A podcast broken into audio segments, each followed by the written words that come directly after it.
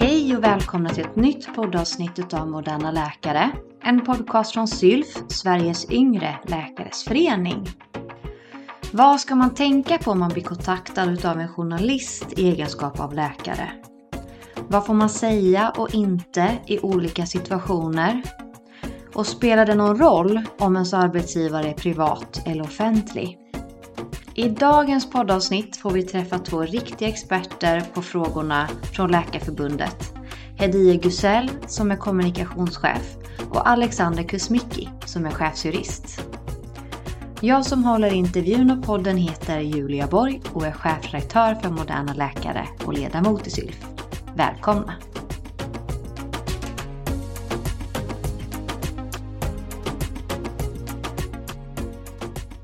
Vanligtvis så spelar jag in de flesta avsnitt på distans. Men idag så sitter vi i Läkarförbundets lokaler på Villagatan i Stockholm och spelar in tillsammans. Det känns jättekul att vara här. Ser fram emot vårt samtal. Mm. Det kanske inte tillhör vanligheten att man i sin roll som läkare blir kontaktad av journalister och press och media. Men eh, det kan ju hända och då är det bra att veta vad man ska tänka på som, som individ. Jag skulle nog säga att det händer ganska ofta. Eh, för media vill ju prata med den som är oftast närmast verksamheten och det är ju en läkare i sin, i sin profession. Eh, och jag tycker också personligen att det blir väldigt bra när det är personer som är närmast verksamheten som uttalar sig. Eh, för det är de som har bäst koll. Så det händer nog eh, ofta. Mm. Men vad ska man tänka på, Hedie, eh, när man har kontakt med en journalist? Man ska vara transparent. Man ska alltid vara öppen att prata med journalister tycker jag, eh, så länge det inte rör såklart eh, enskilda patientärenden. Eh, man ska kunna berätta om sitt jobb, man ska kunna berätta om sin arbetssituation. Och det behöver ju man få höra för att få insyn i hur det är inom vården. Så det, det är viktigt att läkare också pratar med, med press och media för att beskriva läget? Ja, i egenskap av press och kommunikationschef så tycker jag att det är jätteviktigt att vi är transparenta. Mm. Eh, jag brukar skoja om att vi inte ska säga inga kommentarer. För att vi har alltid en kommentar att lämna om, om varje fråga. Återigen, inte några enskilda patientärenden, men allt annat går det att prata om. Men om man då blir kontaktad av en journalist, eh, har du några tips där som man kan tänka på jag brukar säga hur väl förberedd man än är, eh, oftast är vi ju inte det. Vi, läkaren är ju på jobbet och har patienter och har kanske inte planerat att bli kontaktad av journalister. Och sen så får man tag i hen och eh, då är det alltid bättre att ta frågorna, ta reda på vem det är eh, och återkomma helt enkelt. Även om man skulle ha lite tid på lunchrasten så är det alltid bra att lägga på och fundera lite grann. Vad vill den här reporten veta? Vad har jag att säga till om det? Behöver man hjälp så kan man alltid höra av sig till pressjouren, till Läkarförbundets pressjour telefon som är alltid bemannad. Eh, då kan man få hjälp med lite budskap, talepunkter, eh, framförallt också att vi kan bolla med medlemmen eh, om vad det är för fråga som ska lyftas. Så att vi kan hjälpa till att coacha och stötta. Och sen så kan man ringa upp journalisten och berätta det man hade tänkt sig. Var hittar man kontaktuppgifterna till Läkarförbundets pressjour? De hittar man på webben de hittar man i alla våra interna kontaktlistor också. Eh, så de är tillgängliga. Lägg dem gärna in på er favoritlista i mobilen så når ni oss alltid. Jag har än så länge i egenskap av läkare inte haft kontakt med, med en journalist och jag skulle känna mig väldigt ställd om en journalist kontaktade mig och till exempel ville höra om hur, eh, hur läget är på min klinik. Vem kan jag bolla med eh, utöver Läkarförbundets pressjour? Bör jag uttala mig i egenskap av enskild läkare och kanske inte då som fackligt ombud för kliniken till exempel? Jag tror att det är viktigt att ha gjort det ganska tydligt med sin, med sin chef, alltså i verksamheten, vem är talesperson? Jobbar man i region, i kommuner så har man alltid meddelar yttrandefrihet. Alexander får gärna komma in här, men du har ju alltid rätt att uttala dig som, som anställd. Eh, men du har inte skyldighet att göra det. Eh, och jag ser fördelar med att man är öppen. För att ni, måste komma ihåg som läkare, våra medlemmar måste komma ihåg att oftast när ni blir kontaktade så är det egenskap av experter. Mm. Det är för att man vill ta reda på någonting. Så känn det liksom i, i, i ryggen. Eh, ha det självförtroendet att man ringer till er för att ta reda på saker. Eh, för att man själv som journalist inte har samma inblick, samma kunskap. Så det sitter ni ju på. Och det är därför det är viktigt också att förmedla det till, till medier, till läsare. Men om jag inte vill svara på frågor, vem kan jag hänvisa då till? Du kan alltid hänvisa till din chef. Mm. Och din chef kan alltid hänvisa vidare om det skulle vara så. För det, det finns ju några olika situationer som jag tänker att man kan eh, bli kontaktad av en journalist. Och jag tänker här Alexander, du som är expert på det juridiska. Får jag lov att uttala mig om till exempel då om det är en kris på min klinik där jag jobbar eller eh, man gör en stor omstrukturering? Jag skulle säga inledningsvis att det är jätteviktigt med en distinktion på det offentliga och även det privata. Som offentligt anställd så har du alltså en yttrandefrihet. Du har en större rätt att, att framföra kritik. Eh, både som eh, läkare men även som hur ska jag säga, privatperson om du vill uttala dig om någonting så att säga. Du har ett, ett skydd som, som offentligt anställd och du kan ju både prata med en journalist utifrån eh, en egenskap av läkare eller expert eller lämna ett utlåtande alternativt anonymt. I privat sektor så eh, har du en större, en, en starkare lojalitetsplikt gentemot din arbetsgivare, vilket begränsar eh, din yttrandefrihet. Att du får inte säga vad som helst om din arbetsgivare eller vad är det som händer på, på arbetsplatsen helt enkelt. Så där är du mer eh, begränsad och eh, bryter du till exempel mot din lojalitetsplikt att uttala dig negativt om din arbetsgivare, då kan du riskera en uppsägning eller ett avsked. Så där är det jätteviktigt med en distinktion på offentlig verksamhet som ändå ska granskas i och med att det är skattefinansierat och privat verksamhet. Kan du ge något exempel på vad som skulle vara okej i offentlig verksamhet och gå ut med att kritisera kontra då en privat verksamhet? Nej, men ett, ett, exempel som ni var lite inne på, lite så här, att om det finns brister inom, inom verksamheten som inte fungerar. Men här måste jag också understryka att du har ju oavsett sekretess, så du kan inte prata om, om dina patienter eller hantering av patienter, varken inom den privata eller offentliga verksamheten. Föreligger det som sagt alltså missförhållanden så har det ju kommit en ny lag, visselblåsarlagen, där du har möjlighet, framförallt i privat sektor, att rapportera om missförhållanden som förekommer. Och här har ju framförallt läkarna en väldigt viktig roll i och med att lagen skyddar framförallt personal inom hälso och sjukvården. Eh, just för att det handlar om hälsa och liv helt enkelt. Men, och vad innebär det då om jag visselblåser? Kan jag göra det då anonymt? Det kan du göra. Mm. Men här är ju vår rekommendation att alltid prata med din chef om det förekommer någonting eller chefens chef. Eller prata med din, ditt fackliga ombud helt enkelt på arbetsplatsen. Mm.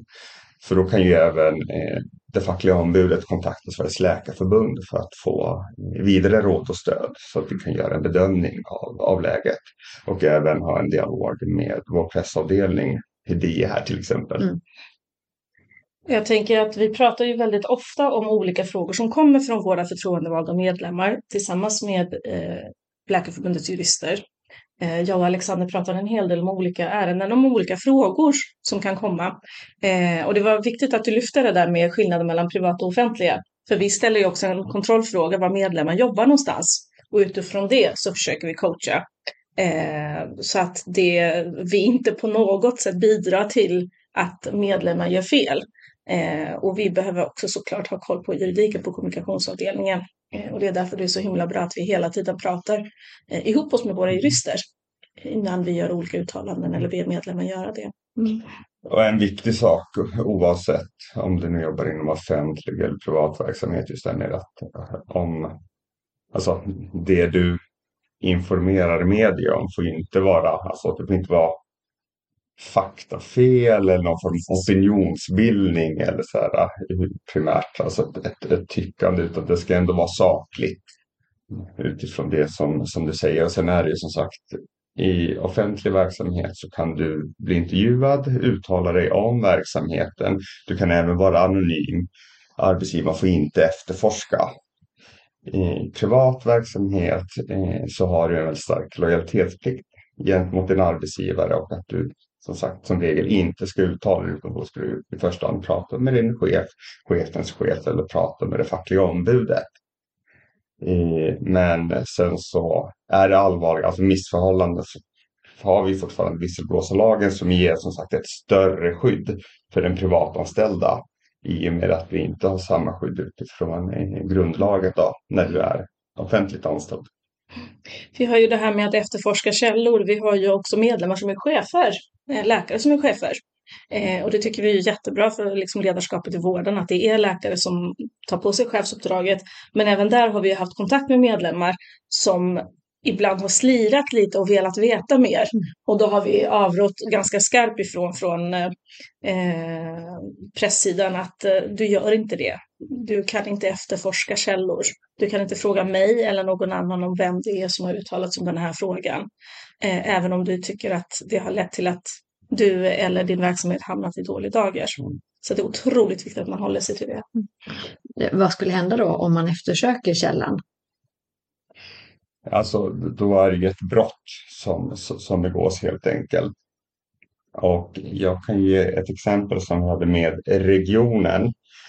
Eh, där media hörde av sig till offentligt anställda eh, under covid och då förbjöd regionen sina anställda att uttala sig utan man skulle hänvisa till, till pressavdelningen. Och det får man till exempelvis inte göra. Som, eh, som offentligt anställd så kan du inte begränsa en, en anställd helt enkelt att inte uttala sig i, i media om, om ett sakförhållande. Och det här är ju någonting som vi också uppmärksammade och riktade kritik mot regionen. Kan man trampa i klaveret då? som, eh, som anställd som uttalar sig? Kan jag liksom göra fel som offentligt anställd om jag eh, pratar med media? Kan jag liksom gå för långt? Här är det ju som sagt en distinktion med att du vill att du är talesperson till exempel för eh, ett fackförbund där du vill framföra ett, ett budskap. Eh, vilket du absolut kan göra eh, så att säga och samtidigt så om du har ett patientärende eller alltså någonting annat där det råder sekretess, kvalificerad sekretess helt enkelt. Och då får du absolut inte uttala dig, lämna ut någonting. Och sen också det här med ett, ett, ett tyckande som bygger på ett, ett subjektivt mm eh, en åsikt. Eh, och där är ju på något sätt en, en gräns, ett gränsfall helt enkelt. Så, men är det bara mitt eget tyckande, det uttrycker ett missnöje för någonting. Så att min rekommendation är alltid att prata med din chef eller med chefens chef eller med facket. Om det är någonting så kan vi göra en bedömning. Ska vi uttala oss eller inte? Och i det som Alexander säger kring det tyckande, alltså ens egna åsikter, så är det otroligt viktigt också att vi är partipolitiskt obundna. Läkarförbundet är en politisk organisation. Vi verkar i ett eh, politiskt eh, sammanhang eh, och vi förhålla oss till politiska frågor, men vi är partipolitiskt obundna. Så uttalar man sig i egenskap av facklig företrädare, till exempel för Läkarförbundet lokalt, så är det otroligt viktigt att man inte är färgad på det sättet. Eh, och det brukar vi avråda starkt ifrån. Vi brukar också eh, bolla det med våra företrädare ifall om det är en politisk fråga i regionen till exempel som man ska förhålla sig till. Så där är ju också en viktig distinktion att göra. Journalisten vill många gånger ha min åsikt. Ja, men det handlar inte om din åsikt som person, som personen Julia, utan då handlar det om din åsikt eller ditt förhållningssätt som läkaren Julia i det skeendet, i den verksamheten. Så det, det är skillnad. Eh, du blir inte efterfrågad för att det är just du, du blir efterfrågad i, för din profession, för din, dina yrkeskunskaper, yrkeskompetensen. Eh, och det måste du som läkare kunna skilja på. Och parera också i intervjun. Absolut. Vi var inne lite på det här med meddelarfrihet och visselblåsarlag och att som privat anställd så har man en, en större lojalitetsplikt då kontra offentlig, offentligt anställd. Men skiljer det här sig om man är fackligt ombud?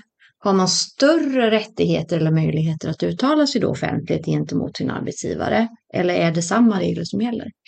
Alltså den har vi oftast, alltså lokala talespersoner helt enkelt. Och där kan du absolut eh, uttala dig och tycka och tänka på ett annat sätt. I och med att du är en facklig representant och oftast är det en sakfråga som, som vi har drivit helt enkelt.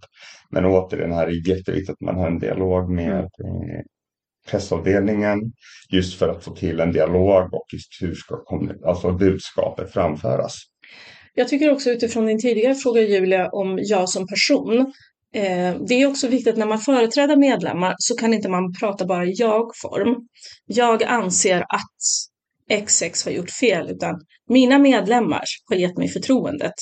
Eh, och man skulle kunna säga vi är fler som upplever att eh, jag har hört mig för och våra medlemmar eh, har signalerat att arbetsmiljön är undermålig på den här arbetsplatsen. Så att det inte hamnar bara på mig som person att jag sitter och, eh, och recenserar någonting, utan jag har mandat eh, att föra talan för flera medlemmar. Det ger också mer pondus i frågan, det ger mer kraft liksom bakom de budskapen, bakom orden. Mm. Om vi pratar lite kort om privat sektor så har vi ett ärende just nu vid tingsrätten då utifrån den nya visselblåsarlagen från 2021 Eh, Eh, som handlar om att det är medlem som har rapporterat missförhållanden på arbetsplatsen och som inte blev eh, lyssnad på helt enkelt och att det inte blev någon åtgärd heller. Det var som sagt allvarliga missförhållanden på arbetsplatsen och eh, hon, han utsattes trots allt för repressalier. Och det har vi drivit nu och begärt skadestånd för, för vår medlem. För om vi ska gå över till andra scenariot kanske att man blir kontaktad i egenskap av ett patientärende eller kanske anklagad för att man själv har gjort ett fel.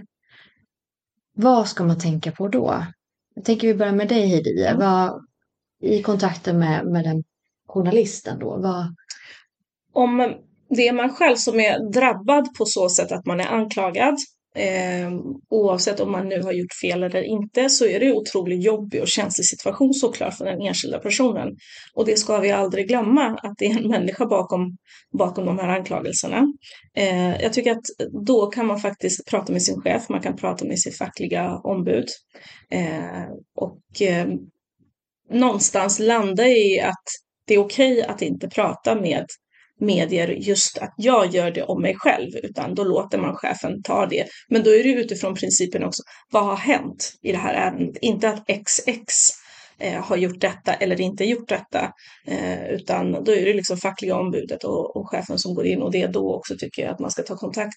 Ifall om det är så att det är ett pågående ärende så är det ju självklart, vi är oftast inblandade då, men vi menar jag juristerna i, på Läkarförbundet, då har man ju också kontakt med med våra jurister så att man kan landa rätt i frågan. Men jag tycker inte att man ska på något sätt tvinga på personen eller uppmana personen att, eh, att kommentera om det känns obekvämt, mm. för det blir aldrig bra. Mm.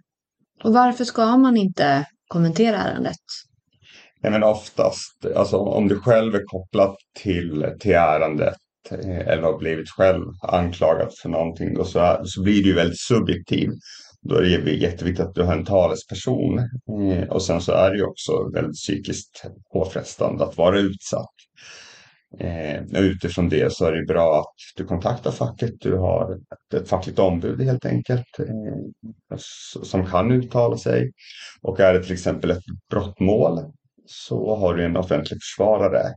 Då är det ju alltid eh, det bästa då, att han uttalar sig i ditt fall. Så att du själv inte behöver stå framför media helt enkelt. Mm.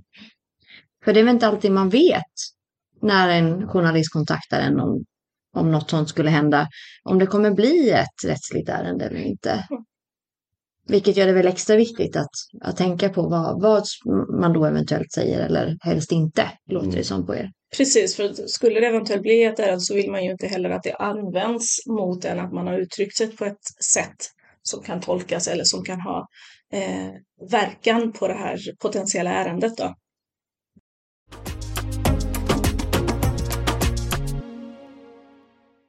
Men du Herie, du som är expert på kommunikation, finns det några klassiska fällor man kan gå i när man blir intervjuad? Jag tror att först och främst så ska man alltid tänka att journalisten är där för att göra ett jobb. Nio av tio fallen så gör de ett jättebra jobb. En journalist är ute efter information för att kunna upplysa eh, allmänheten, läsarna. Viktigt att tänka på det och respektera det. Och man får inte tro att man är bästa kompis med journalisten. Eh, för det blir liksom sakligt lite fel, det blir fel förhållningssätt. När man träffar en journalist i tjänsten så är den personen där i sin tjänst. Även om mikrofonen stängs av, även om man är på väg ut i korridoren och åker hiss för att eh, gå ut med journalisten från sjukhuset, för de får inte kanske röra sig i vissa lokaler och sånt, så betyder det inte att intervjun är slut även om journalisten har sagt det eller även om man har stängt av bandspelaren. Eh, jag har jobbat med eh, press och kommunikationsfrågor i över 20 år och det är väldigt många gånger jag har fått hantera frågor där personerna, talespersonen har uttryckt sig på ett oförsiktigt sätt i samband med att intervjun är slut och man är på väg ut liksom, tillsammans med journalisten. Det är då man slappnar av och så börjar man säga saker. Så tänk på det. En intervju är aldrig slut förrän ni har skakat hand och fysiskt gått ifrån varandra eller lagt på luren. Det är en typisk fälla. Men hur är det till exempel med bakgrundsinformation eller att man säger off the record? Vad är det som gäller då? Off the record finns egentligen inte om inte man har en relation till journalisten, att man litar på varandra. Det är därför till exempel ett förbundsordförande, en eh, talesperson på en högre nivå eller en presschef kan ha off the record samtal. Eh, då funkar det. Men då har man etablerat en viss relation. Eh, och det går inte att säga off the record och tro att det inte ska komma ut. För finns det ett värde i den informationen som journalisten bedömer att allmänheten, läsarna, behöver ta del av, så kommer det inte vara off the record. Så det vill jag att man är väldigt försiktig med egentligen. Eh, det, det, man fråntas liksom inte ansvaret bara för att man har uttalat de här orden off the record. Eh, så det var jättebra att du lyfte det Alexander, för det är också många som eh, brukar slira lite där. Eh, en annan fälla är ju att när man blir intervjuad i radio eller framförallt i tv-sammanhang och det här tränar vi väldigt mycket på tillsammans eh, när vi har våra medieutbildningar på Läkarförbundet. Det är att journalister kan hålla fram en, en mikrofon och eh, vänta på att man svarar och när man har svarat klart så fortsätter man stå kvar. Eh, och det är för att göra eh, intervjuobjektet, personen, lite nervös och man tror att man ska fylla i tystnaden. Eh, och det är då man ser saker som man inte riktigt tänkt. Mm. En eh, tredje fälla är ju att man inte har färdiga budskap utan man pratar om tio olika saker. Och eh, då vet inte riktigt journalisten vad som är vad och vilket man ska lyfta och då kan det bli helt fel. Så att mitt tips är när ni blir kontaktade, eh, Ta reda på uppgifter, vem journalisten är, vilka frågor, lägg på luren, fundera och, och tänk ut ett budskap. Vad är det jag vill förmedla? Ringer om vårdplatsbristen? Vad är det jag vill säga? Ringer om arbetsmiljön på min arbetsplats? Vad är det jag vill lyfta i första hand? Och återgå hela tiden till budskapet på olika sätt. Men håll dig till ett huvudbudskap och max två delbudskap för att förstärka hela tiden det du vill ha sagt. Och en summering från det juridiska återigen just en distinktion. Är du offentligt anställd, privat anställd? Offentligt anställd så har du ett väldigt starkt yttrande, en stark yttrandefrihet. Du får inte utsättas för repressalier om du använder din yttrandefrihet. Du får uttala dig i, i massmedia. Du har med rätt att vara anonym när du pratar med massmedia. Arbetsgivarna just med meddelandefrihet får inte eftersöka. Sen är det också viktigt att understryka att man inte får bedriva opinion mot arbetsgivaren bara för att. Eh, men arbetsgivaren får inte heller begränsa dig i att du inte får uttala dig eh, som vi nämnde tidigare under, under intervjun kopplat till eh, regionen. Då. Sagt att men du som anställd får inte uttala dig, du som läkare inte får uttala dig just i den här frågan. Utan du måste hänvisa till, till pressavdelningen. Eh, däremot får arbetsgivaren alltid bestämma vem som ska uttala sig för arbetsgivarens räkning, vilket oftast blir alltså en, en, en talesperson helt enkelt. Som en chef? Som en chef till mm. exempel.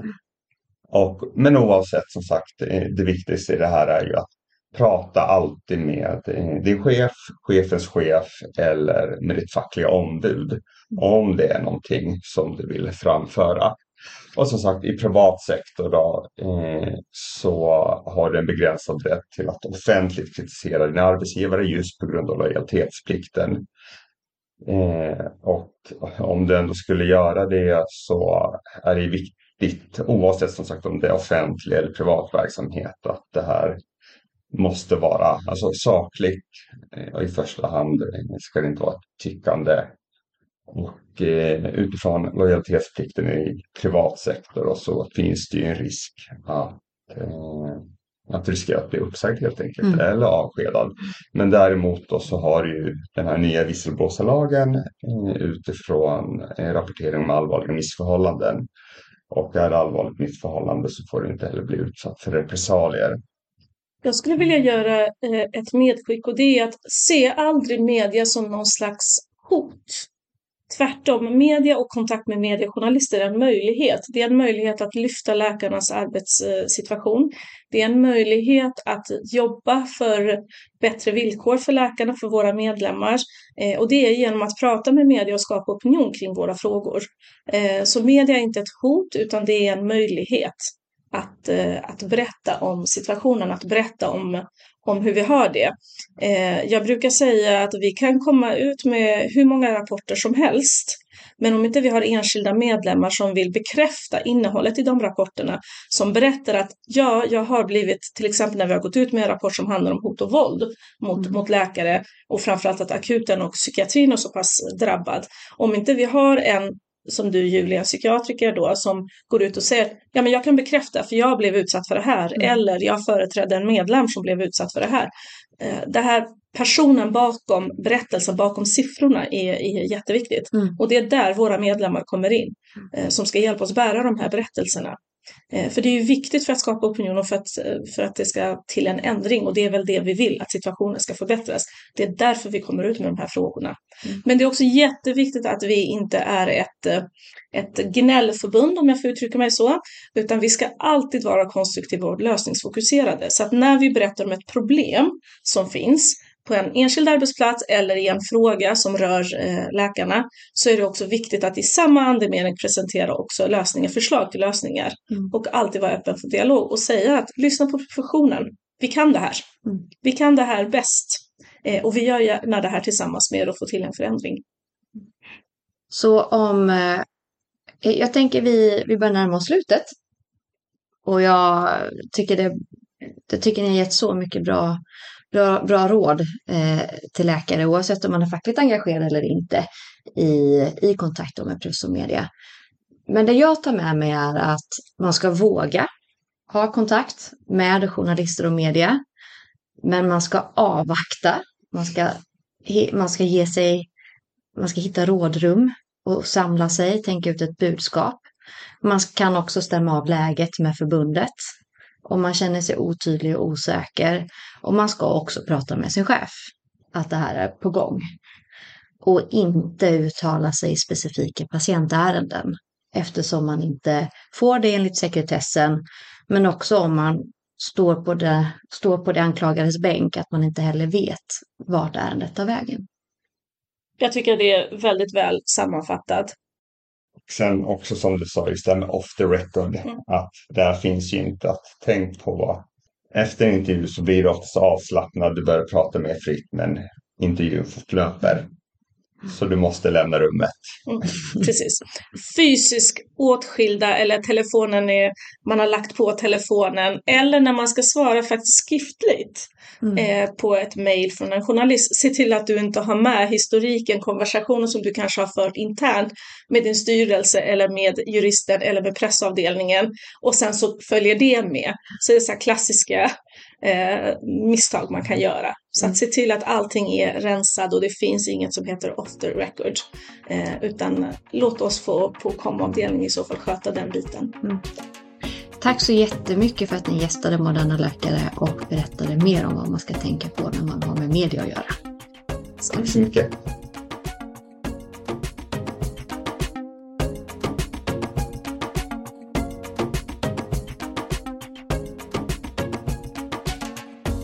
Tack så mycket för att ni har lyssnat. Om två veckor så bjuder jag på ett avsnitt om lön och löneförhandling med SUS förste vice ordförande Björn Gunnarsson. Han kommer förklara varför du som ny kollega ska ha högre lön än dina kollegor. Vi hörs då!